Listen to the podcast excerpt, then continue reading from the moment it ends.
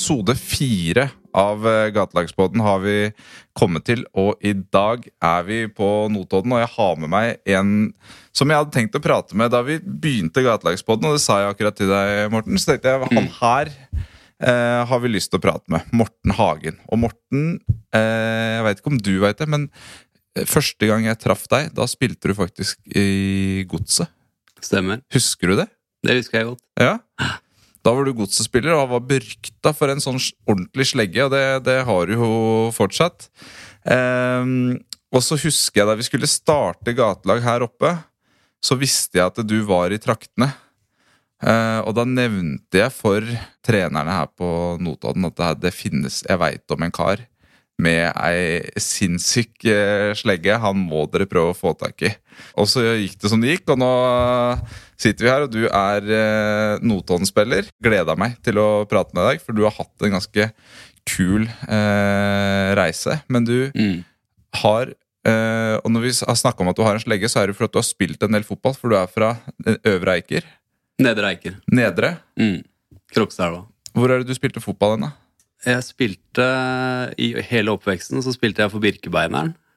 Og så ble jeg 16 år, og da kom jeg opp på Da ble, husker jeg ble flytta opp på A-laget som den eneste fra juniorkullet i, til Birkebeineren. Men så, men så begynte jeg å feste, og, og det gikk liksom den veien isteden. Ja. Så begynte jeg å eksperimentere, og og ramla liksom av det lasset rundt, rundt 16-17-årsalderen. Hvilken årgang er du? Eh, 81. 80. Men uh, Birkebeina på den tida må ha vært et ganske brukbart lag? Og de var De, de lå De lå vel på øvre halvdel av tredjedivisjon. Ja. Så det var veldig sånn fysisk tøft lag. da Jeg husker det var beinhardt å komme opp på det laget, og alle gutta veide liksom eh, 90 kilo og Ja. var sånne huespillere. ikke sant? Kom Ja. jeg som spinkel 16-åring inn der, og det jeg, var, eh, jeg ble vel litt eh, demotivert av det, samtidig som jeg kjørte, begynte veldig i det der festløpet. da I stedet Som for der 16-åring. starta egentlig for meg, at det, Ja. at det begynte å skli ut. da For det leste jeg eh, Det var to artikler nå som hadde kommet ut om det er ganske nylig. og der, Du snakker jo litt om det egentlig i begge artiklene. Og det ene det syns jeg var eh, Det jeg synes var veldig interessant i den ene, er at du, Ja. du sa 'jeg hadde én fot i begge leire'. Jeg tror det er ganske mange som har det litt sånn. Ja. Kunne det ha gått bra også? At du hadde sagt eh, nei til eh, partygjengen og, og bare satsa fotball? Det kunne ha gått bra. Eh, og jeg tror det var veldig mye marginer egentlig som avgjorde at det, at det skulle gå sånn som det gjorde med meg. da. Eh, for det har jo gått veldig dårlig i mange år, og det, det er ikke til å legge skjul på at det har vært, eh, har vært tøft da, opp gjennom 20-åra mine. og tidlig i 30-åra så, så Så har det egentlig bare eskalert og blitt verre og verre, og runder inn og ut av fengsel og eh, Fra å gå fra amfetamin og kokain og de stoffene der, til videre opp til heroin og være hekta på det i en del år. Eh, og så eh, ja, så, jeg, så jeg har vært tungt vært tungt utpå, da. Men jeg ser jo at det, det, det var tidligere liksom en sånn serie med tilfeldigheter som eh, gjorde at det gikk så ille. Eh, samtidig som jeg nok er liksom eh, Tror jeg genetisk predisponert for å ha en rusavhengighet. da Med besteforeldre som begge er tungt alkoholiserte på, på farssida. Eller som var tungt alkoholiserte, og de, eh, de er døde nå. Ja. Så, eller for for lenge siden, da. Men, men, eh, men det var liksom ikke noe småtteri. Det var, de var liksom ordentlig sånn her Det var spritfylla hver dag. Uh, og det, det vokste det? jo faren min opp i. Nei, faren min vokste Ja. opp i det. Sånn at faren min hadde jo veldig avstand ifra, ifra rus. Mm. Så jeg vokste jo opp i et hjem som var trygt. Ja. Men, eh, men så skilte foreldrene mine seg Når jeg var 16 år, og det var liksom akkurat det skjæringspunktet for meg. da. Ja. Og da, og da mm, ble faren min tungt deprimert da jeg var 16 år, og han gikk inn i en sånn skikkelig eh, eh, tung depresjon som varte i flere år. Og, og, var, og da var jeg plutselig det var veldig tungt å bo hos faren min, for jeg flytta sammen med han i solidaritet. Eh, moren min fant seg en ny type. Stefaren min ønska meg ikke der, og, og jeg ble på en måte uønska som 16-åring. da. Og da, og da gikk det feil, eh, i feil retning for meg. Hvordan prega det deg at faren din var deprimert? Det, det gikk veldig tungt uh, utover meg. Jeg, jeg, kjente meg veldig igjen i faren min. Han har vært fotballtreneren min, og han var veldig, liksom, fulgte meg opp veldig til, fulgte meg opp, da. Han var liksom den som var der, og for så vidt moren min òg, men, men, alt endra seg liksom dramatisk når han hadde mer enn nok med seg sjøl. Ja. Og, og, og så, så, så, det er en sånn, det, det er en sånn avgjørende liksom, livshendelse for meg, da. Eh, og har nok bidratt mer enn noe annet til at jeg gikk i den retninga som jeg gjorde. Ja, riktig. Men da, det, ja, da, var du 16. Er det da du på en måte havner øh, litt med de uh, da, Ja, da, da, eksperimenterer jeg først med ecstasy. Uh, jeg hadde jo allerede prøvd å røyke hasj og jeg hadde drikket alkohol og disse tingene her med, med en av de gjengene jeg var med. da, og men den sommeren, påfølgende sommeren etter at de skilte seg, så, så prøvde jeg ecstasy.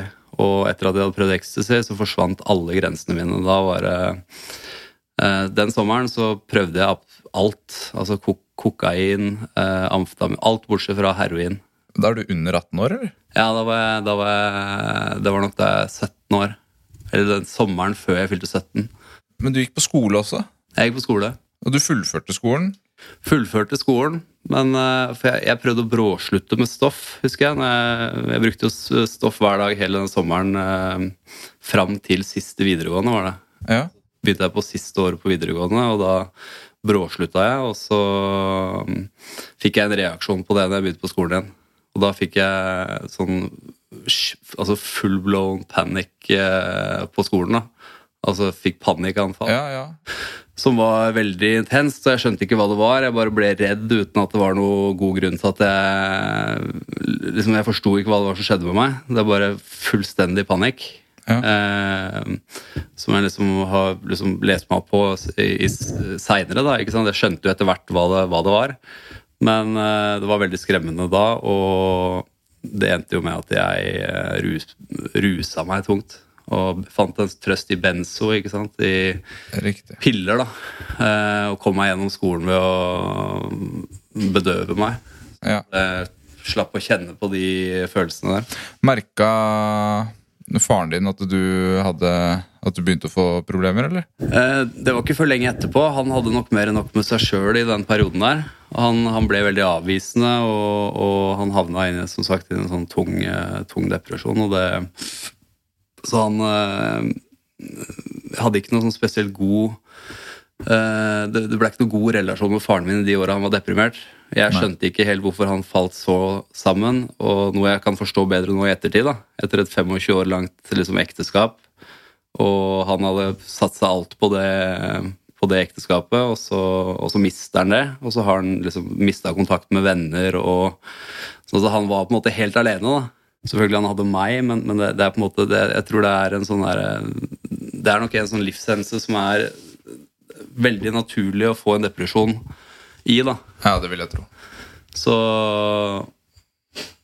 Men, men jeg, jeg, identifiserte meg og så veldig med faren min, sånn at jeg ble jo livredd for å gå, bli sånn som han. Altså for å bli deprimert, da. Og, og så fikk jeg de panikkanfallene etter jeg hadde begynt å bruke stoff, og da eh, trodde jeg at jeg på en måte var blitt sånn. Jeg, jeg, jeg, ikke, jeg skjønte ikke at det var, kom til å gå seg til. da. Nei. Så da tenkte jeg at det er stoff som gjelder. Ja. Men du må ha hatt For da, spill, da, når du begynner, så er du aktiv fotballspiller. Du har øh, Og du går på skolen, men du må ha hatt noen venner der som ikke var det, som klarte mm. å dra deg inn i den, i den retninga der? Egentlig så hele tida har jeg hatt venner som ikke har drevet med, med stoff også. Mm. Så, så, så, egentlig Jeg kan egentlig ikke huske noen periode hvor jeg ikke har hatt uh, Hva skal vi kalle det? Ordentlige venner, da. Uh, altså Til og med når jeg brukte, liksom, var tungt hekta på heroin, så jobba jo jeg som dørselger.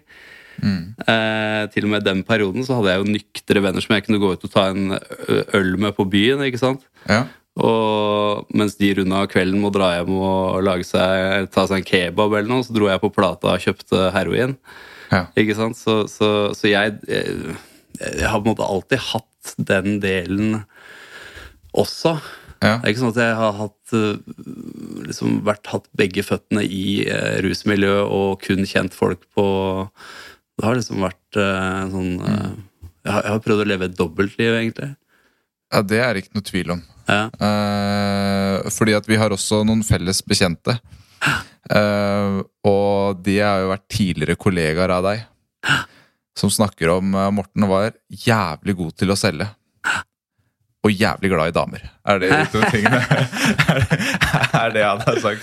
Eh, det, var, eh, det var penger, damer og, og dyre klokker eller noe sånt. Nå er det noe jeg har blitt fortalt, Men han sa jo det at du var helt, helt ekstremt rå på å selge eh, internett, fiber.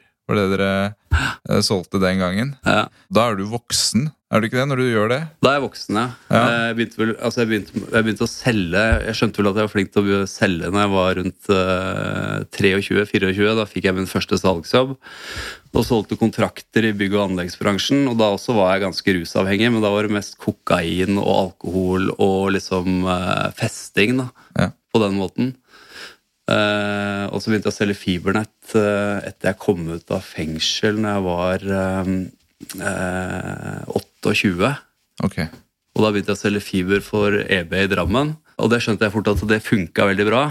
Og det funka også veldig bra å kombinere den livsstilen da, Ja. med, med alkohol og, og, og det var mest kokain, og så spora det av veldig med amfetamin etter hvert. Ja. Og sånn som den heroinavhengigheten min, da, den starta jo med liksom Det var en, eh, en kompis som jeg jobba med. Han hadde brukt mye heroin før, og vi avtalte ok. Han, han likte også å kjøpe heroin innimellom og spille Fifa. Fifa og heroin, liksom. Fifa heroin? Vi tok Fifa-kveld med heroin. da Så det ble en sånn greie, en sånn månedlig greie vi hadde. Og så møtes og spiller Fifa og røyker heroin. Unnskyld meg, men går det, Får du spilt Fifa da, når du er uh, rusa på heroin? Ja, ja. Så, så hvis man, når man røyker det, så kan man jo justere liksom graden av hvor på trynet du blir. da Ok. Ja, det er, det er helt det er. Det høres jo helt Ja, det høres og helt og, det, sjukt og det er jo helt sjukt, ikke sant? Ja. Der fjerna jeg den sperra mi for heroin. da Det Og, ja. og etter hvert så ble jo heroin en sånn greie for å bare holde meg flytende. Og det var da jeg flytta til Oslo, for jeg flytta til Oslo etter den siste runden jeg hadde i fengsel. Jeg, jeg kom jo veldig feil ut i Drammen etter hvert, og jeg ble stoppa av politiet rundt omkring og kunne liksom gå på magasinet i Drammen og, og bli stoppa av politiet og ransaka midt på, på torget eller på, på magasinet. da. Eh, Så etter jeg kom ut av fengsel den andre runden, så eh, flytta jeg til Oslo. Og ble veldig ensom. Og begynte å bruke litt benzo. Og tenkte at faen, heroin også, det er lenge siden jeg har tatt det. Da kjøper vi litt heroin. Og så og, og så hekter jeg meg umiddelbart på det. da Jeg hadde ikke vært hekta på det tidligere, men jeg brukte det i noen dager. liksom, og faen, nå må jeg jo ha det. Og så plutselig så har jeg brukt heroin hver dag et halvt år. Å, herregud. Eh, og da dro jeg på Da liksom, ok, nå må jeg ta noe grep her. liksom, Nå må jeg prøve å komme meg, dra meg ut av det. Og så dro jeg på avrusning i Drammen. Eh, dro jeg på avrusning i Drammen, og så, og så var jeg der i ti dager, husker jeg. Og da fikk jeg ikke sovet i ni dager. Jeg fikk ikke sovet på Altså, jeg sov ikke, liksom. Det var sånn rett før jeg gikk inn i psykose. Ja. Og så, For jeg skulle ikke ha noe å lande på heller. da Jeg var, så, jeg var sta på det at jeg skulle ikke ha Jeg skulle bare bli, komme av det i trygge omgivelser. ja. Og så øh, skulle jeg liksom bare komme meg opp på hesten igjen og begynne å jobbe og alt det der. ja. Og så fikk jeg sove den niende til den tiende dagen. Da fikk Ja. jeg sove en full, altså nesten en full natt. da Har du hatt abstinenser i ni dager, da? Er det det som er greia? Jeg vet ikke, Det skjer noe med hjernen din når du har brukt heroin Sånn. At du får ikke sove. da Det er liksom den siste som blir borte. Det er, så, så det tar egentlig flere måneder å sove normalt etter å ha brukt heroin en stund. Ja. Hva jeg skulle si at eh, når jeg kom ut eh, Eller jeg dro den tiende dagen, for da hadde jeg fått sove en natt. Så da tenkte jeg nå er jeg kur ok, nå er det bra. Så nå skriver jeg meg ut. Og så dro jeg ut. Og så skulle jeg bare begynne å jobbe igjen, og så fikk jeg jo ikke sove igjen, selvfølgelig, da, etter jeg hadde fått den natta.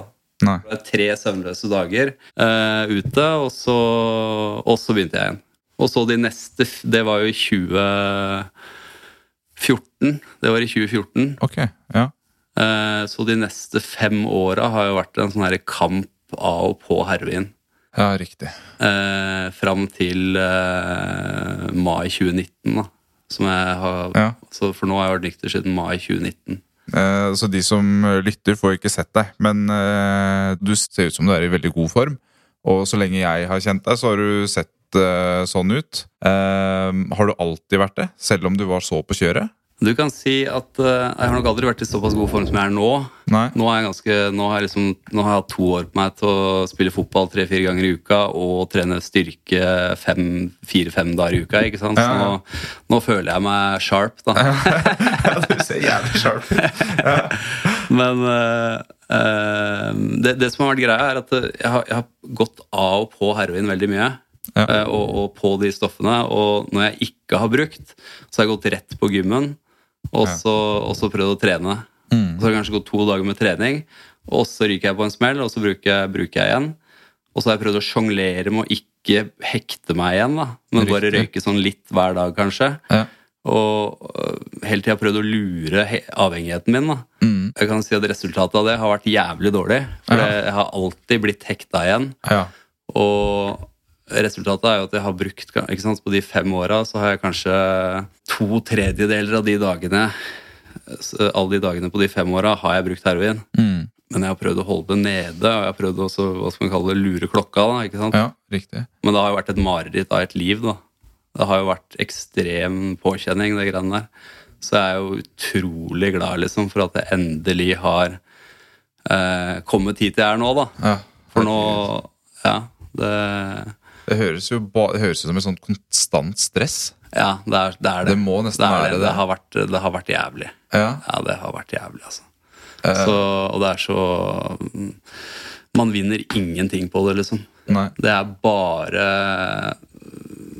Altså, livet blir et helvete, rett og slett. Du, det går ikke an å leve med det der. Når du sier En av de tingene jeg hadde tenkt å spørre deg om, det var jo nettopp det at eh, du var en, og er en god selger. Så du har jo sikkert hatt sant, Det å ha, ha penger og ha mye av det, det har du nok hatt. Mm. Eh, og og så, og så har jeg tenkt å spørre deg om hvordan er den overgangen til å ikke ha det altså nå? For jeg, jeg regner med at eh, den, altså, pengene som strømma inn den gangen kontra nå, er jo det er sikkert himmel og hav Ja, eh, forskjell. ja.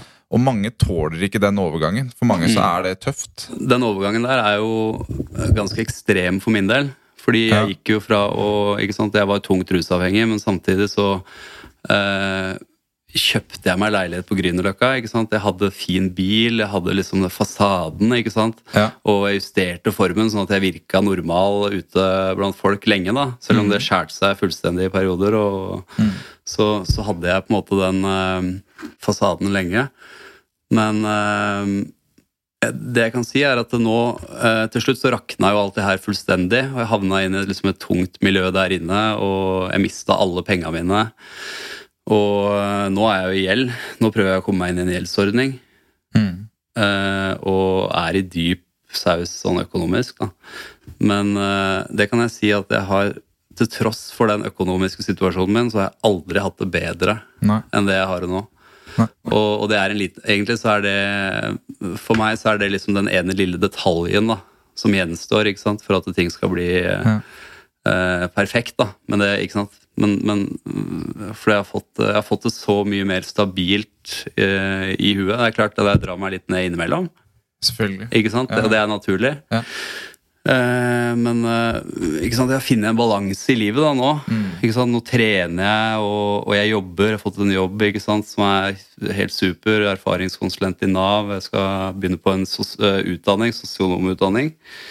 Eh, fått veldig mye muligheter i byen her. da er utrolig takknemlig liksom, for, at det, for at det har gått sånn som det har. Sånn som det har. Ja, for at Poenget mitt er at når du, når du forklarer hvordan det er, og det, det kjøret som er liksom å stå i det, så ville jeg jo valgt å ha null kroner på konto alle dager i uka. Ja. Ja, Enn å leve i det helvete som du egentlig bare beskriver. eh, Ja. Da er vi ikke på detaljnivå engang, men bare av det du forklarer Jeg lever, jeg lever veldig bra, jeg, altså. Og, og liksom jeg var rusavhengig og hadde råd til å være det. Og, og styra rundt og reiste på ferier og hadde mye, hadde mye eh, midler til å gjøre de tinga der. Men jeg hadde det helt jævlig inni meg. Ikke sant? ja. Og nå, nå, er, nå er situasjonen en helt annen. Nå har jeg ikke midler, men jeg har det veldig mye bedre. Ja, Ikke sant? ja. Det må være deilig å kjenne på. Ja, det er, det er det, altså.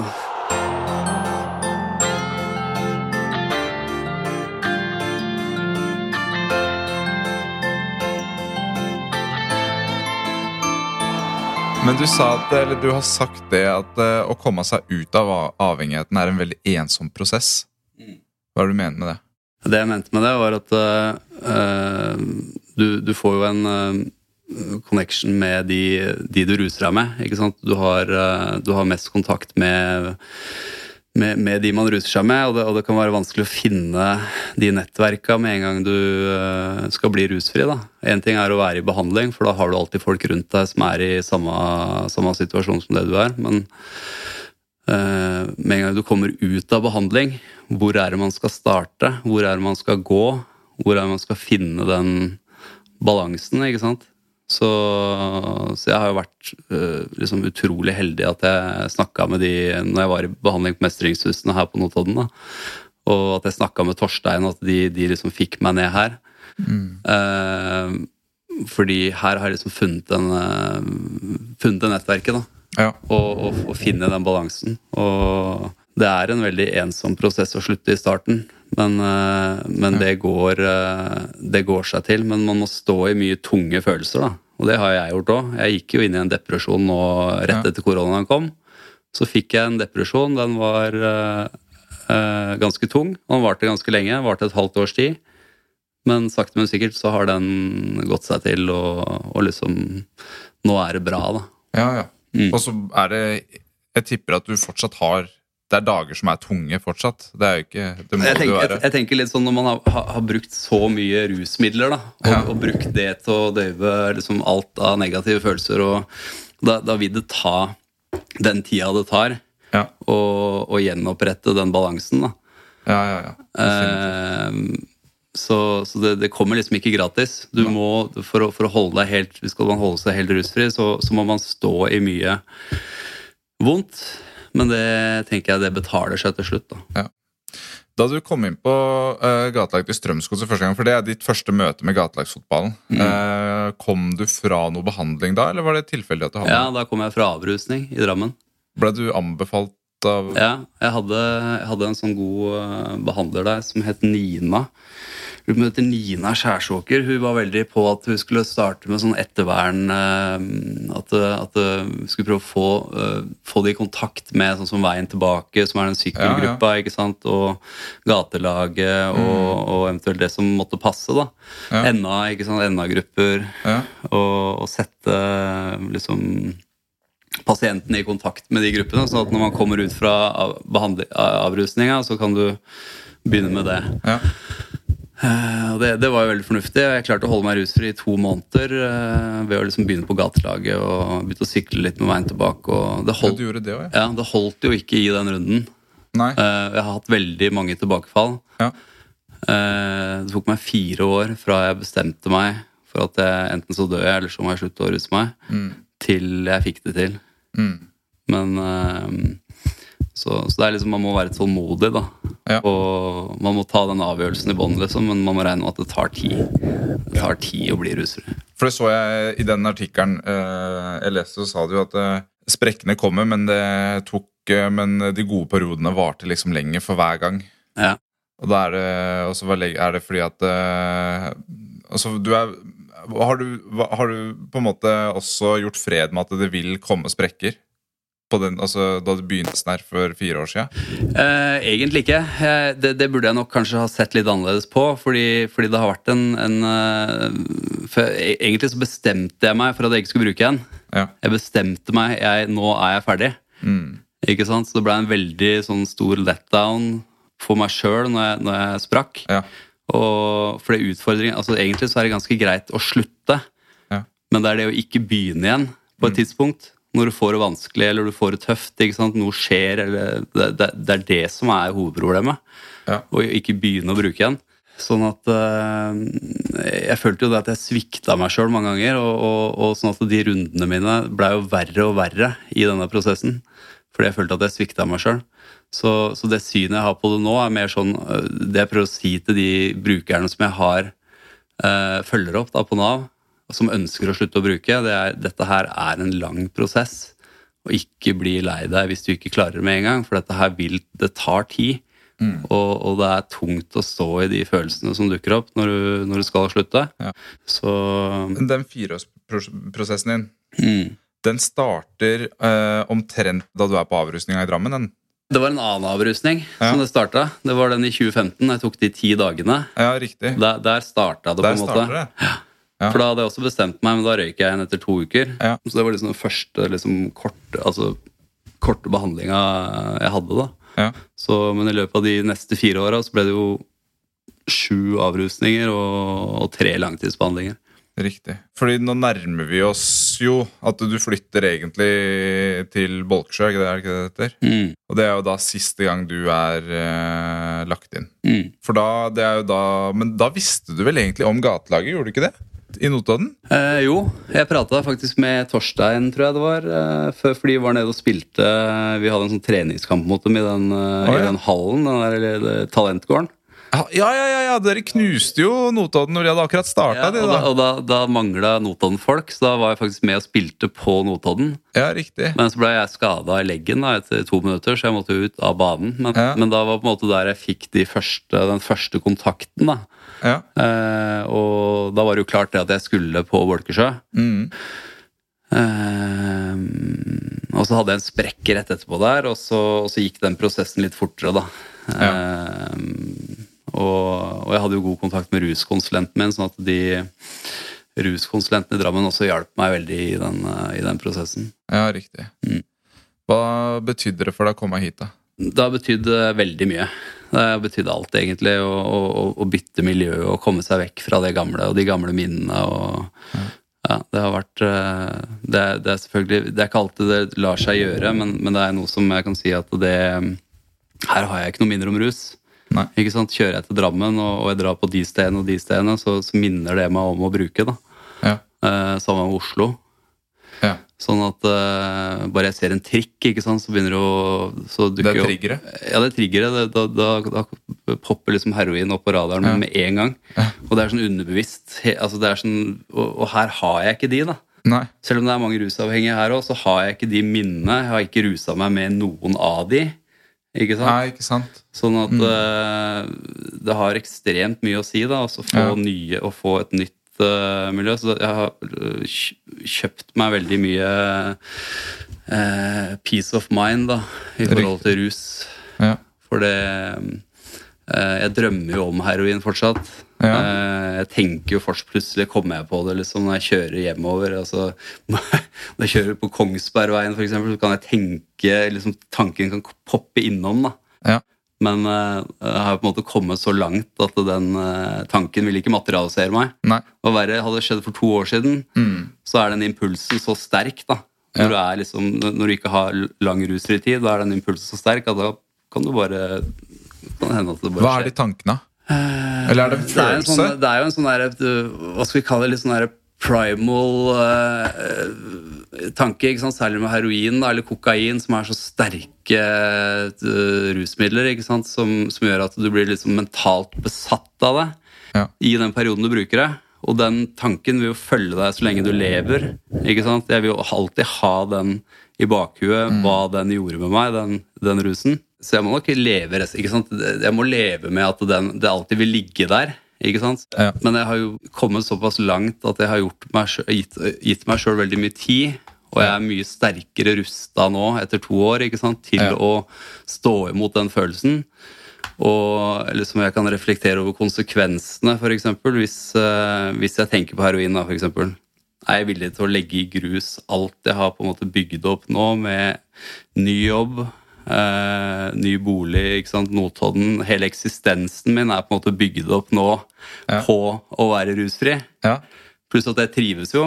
For det aller meste. Jeg har jo, ikke sant, jeg har jo kjipe dager, og, og ting kan være dritt og alt det der, som, som alle har det. Mm. Men det er en del av livet, ikke sant? Men det har på en måte, det har på en måte vært å eh, innse det at livet er ikke bare bra. Ikke sant? Du må tåle å stå i litt dritt også. Ja. Definitivt. Særlig nå er det mye som er, eh, Ja. som er eh, For det, har helt tida, det, det med å bruke rusmidler har hele tida vært en jakt på å bare alltid ha det greit. Ja, ikke sant. egentlig. Ja, jeg skjønner det. Nå har vi sagt det noen ganger, eh, og du jobber jo i dag som erfaringskonsulent på Nav. En helt nyoppretta stilling. Hadde du noen gang sett for deg det? At uh, du skulle ende med å jobbe. Og ikke bare jobber du med det nå, men du ser jo for deg det som din nye karriere også. Mm. Jeg, har, eh, jeg, har tenkt, jeg tenkte tanken uh, Når jeg kom ut fra Bolkesjø, så har jeg tenkt litt tanken på det at jeg, sant, jeg må komme meg inn i en helt ny retning. da. Fordi sant, den salgsjobben, den, der vil jeg jo alltid ha de minnene om Ja. å bruke. Og det er ikke sånn at jeg trivdes med å gå rundt og banke på dørene til folk. og, og liksom, det, det ga veldig mye penger, men det var ikke noe som ga meg noe på et sånt personlig nivå. ikke sant? Det, det var også å få eh, eh, mest mulig penger. Og sånn som jeg jobber nå, det er jo å prøve å hjelpe folk.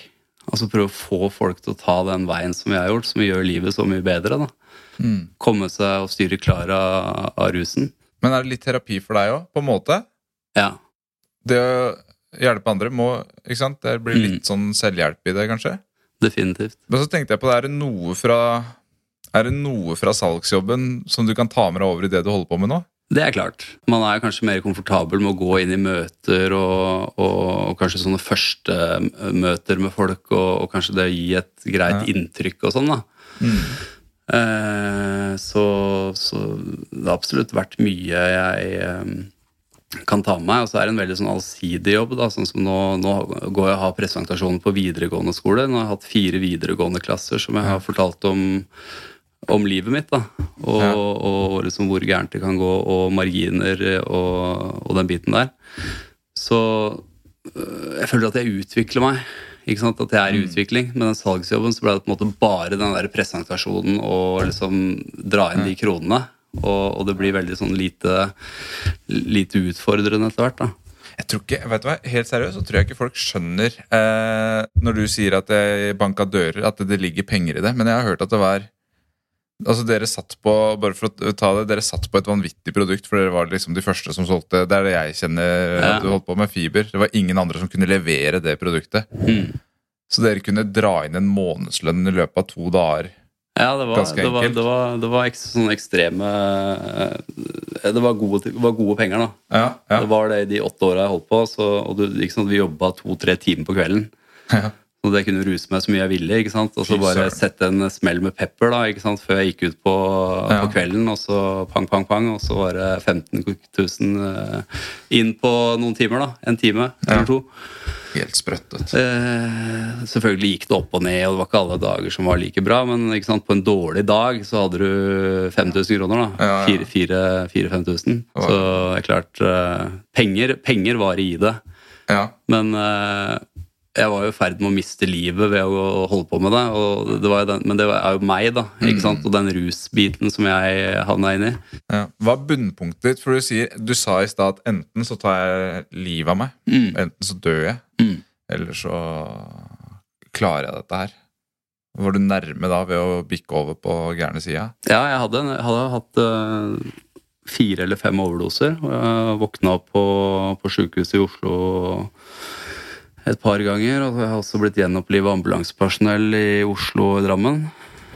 Ehm, så, så det har jeg vært nære på. Det er veldig små marginer, altså. Ja, det, har du vært nære på. Ja, det er helt klart. Så eh, det, det er mye flaks at jeg sitter der. Det, når, når jeg ser tilbake ja. på det og ikke sant, En gang så skulle jeg eh, Jeg hadde dårlig tid. da Skulle ut og selge fiber. Og så dro jeg ned på plata. Skulle jeg ha pepper. Ja. Og så bare skøyt jeg den sprøyta inn i armen. Bomma på blodåra. Tok den inn på baksida av blodåra. Tømte hele nåla inn i bak blodåra. Ja. Og armen bare nesten med en gang bare begynte å hovne. ikke sant? Sånn at i løpet av kvelden, i løpet av kvelden så klarte jeg ikke å bære var, Armen min bare ikke sant, slutta å fungere Ja. da, og bare hovna opp til sånn dobbel størrelse. Ja. Og jeg måtte bare Ok, nå må jeg hjem og legge meg. Ja, og Jeg skulle ønske folk kunne se oss nå, fordi Morten driver og viser meg hva som skjer. Og det Morten ikke vet, er at jeg har ikke tatt en blodprøve siden jeg var 12-13 år, for da gikk jeg i bakken. Jeg har så noia for det, så jeg klarer så vidt å høre på det her. Jeg synes det er helt grusomt å høre på. Men ja, Så det er en av gangene. Da var du nære ja, på. det var ille. Det var, Ja. det var ille. Hvor var vi, holdt jeg på å si? Nei, det var jo rett og slett at det var en av de gangene du, du nesten holdt på å dø. Ja, jeg, jeg hadde dødd hadde ikke jeg dratt til legen, liksom. Det er jo lett å fikse sånne absess eller sånne, sånne Ja, ting. Da. Så det, det er jo ikke å si at det var det nærmeste jeg var å dø, men det var bare en sånn veldig, veldig ubehagelig opplevelse. da. Ja. Men er det etter en sånn overdose at du Er det, er det et vendepunkt? En av de siste overdosene? Nei, det har ikke vært noe, det har ikke vært det, egentlig. Jeg, jeg ga såpass blaffen i de periodene der. Og, men jeg, jeg rota meg inn i et ganske tungt miljø i Oslo òg, og det, det vil jeg kalle båndpunktet mitt. Det er øh, Det var en skyteepisode i, i leiligheten min. Jeg havna i et tungt miljø inne i Oslo. Og så var det en som skøyt en annen eh, på eh, i leiligheten min, og så fikk jeg mye trusler etterpå. Og det var en som var hjemme hos meg, og, og, og jeg endte med, og det endte med vold. da. Ja. Og, og jeg endte i Oslo fengsel for drapsforsøk. Og når jeg var i varetekt, så var jeg abstinent på både heroin og piller og, og, og crack, kokain. Eh, og jeg husker jeg lå med de abstinensene på cella mi i varetektsfengsel. Eh, og, og det bare toppa seg helt for meg. Jeg, bare, ok, nå, jeg må bare komme meg vekk. Liksom. Ja. Så det var egentlig da den lange prosessen begynte, da, med, med langtidsbehandling. Og, for det da hadde jeg liksom vikla meg inn i noe, noe som selv jeg ikke pleide. da. Ikke Ja. sant? Det, for jeg hadde kasta alle korta, havna inn i noe av det ja, en sånn skikkelig, skikkelig gærent miljø der. Ja, ja, ja. Det høres jo sånn ut. Men eh, nå har vi, sant, nå, vi har jo prata mye om, om rusen og sånt, og så tenker jeg bare åssen er det for deg å prate om det nå? Er det Jeg kjenner enkelte ting av det er jo fortsatt litt sånn uh, sårt, liksom. Sånn som det akkurat den perioden der, for da var jeg, da var jeg redd. Ikke sant? Da var jeg livredd. Og, men når jeg rusa meg mye, så ga jeg mest faen hvis så lenge jeg var rusa. Ja. Og, men det var først når abstinensene kom at jeg begynte å på en måte kjenne på Ja. Så, så det har jo enten vært Enten så har jeg hatt det greit på rus, eller så har jeg hatt det helt jævlig. Det har vært en av to. Men du får ikke et russug av å prate om Nei, Nei. Det, det gjør jeg ikke. Og um, faktisk nå Det, det går, går lengre og lengre tid mellom hver gang jeg kjenner på, på det russuget. Ja, det er deilig. Ja, det er veldig det, deilig. Så nå, ikke sant, Den rusen jeg får nå, er jo den eh, jeg får ut av trening og, og, og ha bare kontakt med mennesker. da, Ja. Å ha et godt nettverk rundt meg. ikke sant, du, du, Man får veldig mye igjen for det. å liksom ha riktige folk rundt seg, og folk som ønsker deg vel. og... Hvorfor tror du at det, eh, sant? det vi ser, da, er at eh, din historie ser vi på de andre lagene òg. Mm. Det er veldig mange som klarer gjennom eh, gatelagene å komme seg ut og få et bedre liv. Har du eh, Klarer du å sette fingeren på hva det er som, som gjorde at dette funka for deg? Dette er jo én av tingene, da, riktignok. Uh, det er det samholdet og, og det vennskapet man får uh, gjennom å gå her, da. Ja. Og, uh, og, og det blir jo på en måte den Hva skal man kalle det? det jeg er jo veldig glad i å spille fotball òg, så det er en sånn dobbel gevinst for meg. Eh, så så jeg, vil, jeg vil peke på liksom samholdet, da. Ja. Og det at man har noe fast å gå til. Ja, For det sier mange. Ja.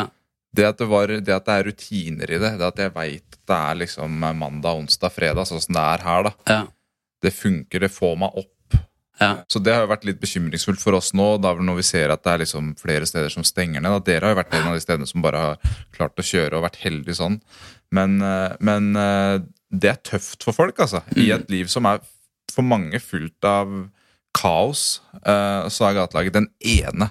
Den ene konstante tingen. Og når det ryker også, da begynner vi å slite. Det, er, eh, det har vært utrolig viktig, det gatelaget. Og det, det var det når, jeg var i Strømsgods òg. Og det, det, det, det er eh, Jeg tror dette er utrolig viktig for de som er med her, da. Og, og jeg tror det kommer til å bli utrolig viktig for veldig mange flere òg, når de finner veien inn her. Mm. Eh, Det har vært helt avgjørende for meg. Ja. Det er ikke noe tvil om. Fortell litt om gatelaget her, for at dere er litt unike. Dere holder på altså det at dere, dere holder på tre dager i uka, det er ikke unikt, men dere har, en, dere har litt andre typer prosjekter også, særlig et, eh, et V-prosjekt som er litt spennende. Vi har jo, vi har jo tre For det første så har vi jo tre trenere her. Og, og alle tre brenner jo veldig for dette prosjektet. Ja. Sånn at de, de, det, bidraget de har her, er jo, er jo liksom helt uh, uvurderlig. da. Og, og man finner på nye ting. ikke sant? Vi drar og spiller gokart, vi drar på Sommerland i Bø. Vi skaper gode, gode rusfrie minner sammen. Eh, og de har starta det V-prosjektet. Eh, sånn at det, det er i prinsippet noe folk kan drive med her hver eneste dag. Ja. De har ei jentegruppe på tirsdag. Ja. Eh, De utvida til en ekstra dag, sånn at det er mandag, onsdag og fredag. Så det er jo enkelte folk som, enkelte som er her hele uka. ja. Så det er det jeg vil peke på mest. Det er det engasjementet mm. som de har. Det, eh, du har vært med på kløyve og ordne med ved, og dere er jo utsolgt, eh, hørte jeg? Det, det var jeg med på fram til jeg begynte å jobbe. Da jeg begynte å jobbe da på Nav, da, så, så blei det vanskelig å, å få vært med på. Men jeg var med på det hele fjoråret på, på våren og sommeren. Du Og- fortalte, jeg, nå avbryter jeg, men du fortalte, jeg pratet Arve og Torstein, som er to av tre trenere, eh, her fortalte oss nå, og Glenn, vi, må, vi skal nevne deg også, Glenn, du er sistemann. Men de to hadde, vi er jo på besøk her i dag, og tok oss med ned under stadion, der hvor eh, veden har vært. Eh, Og fortalte jo om eh, alle de som hadde bidratt i prosjektet, og det dere har gjort. og Dere hadde jo en egen maskin som jeg vet ikke hva det kalles, men det er den som kløyver veden, og dere har gjort egentlig alt mer eller mindre fra, fra A til Å. Mm. Og så fikk eh, ble, telte man opp timer på hver spiller, stemmer det? Og så fikk man da et gavekort tilsvarende de timene man har Stemmer det. Fikk, Ja. fikk det til jul.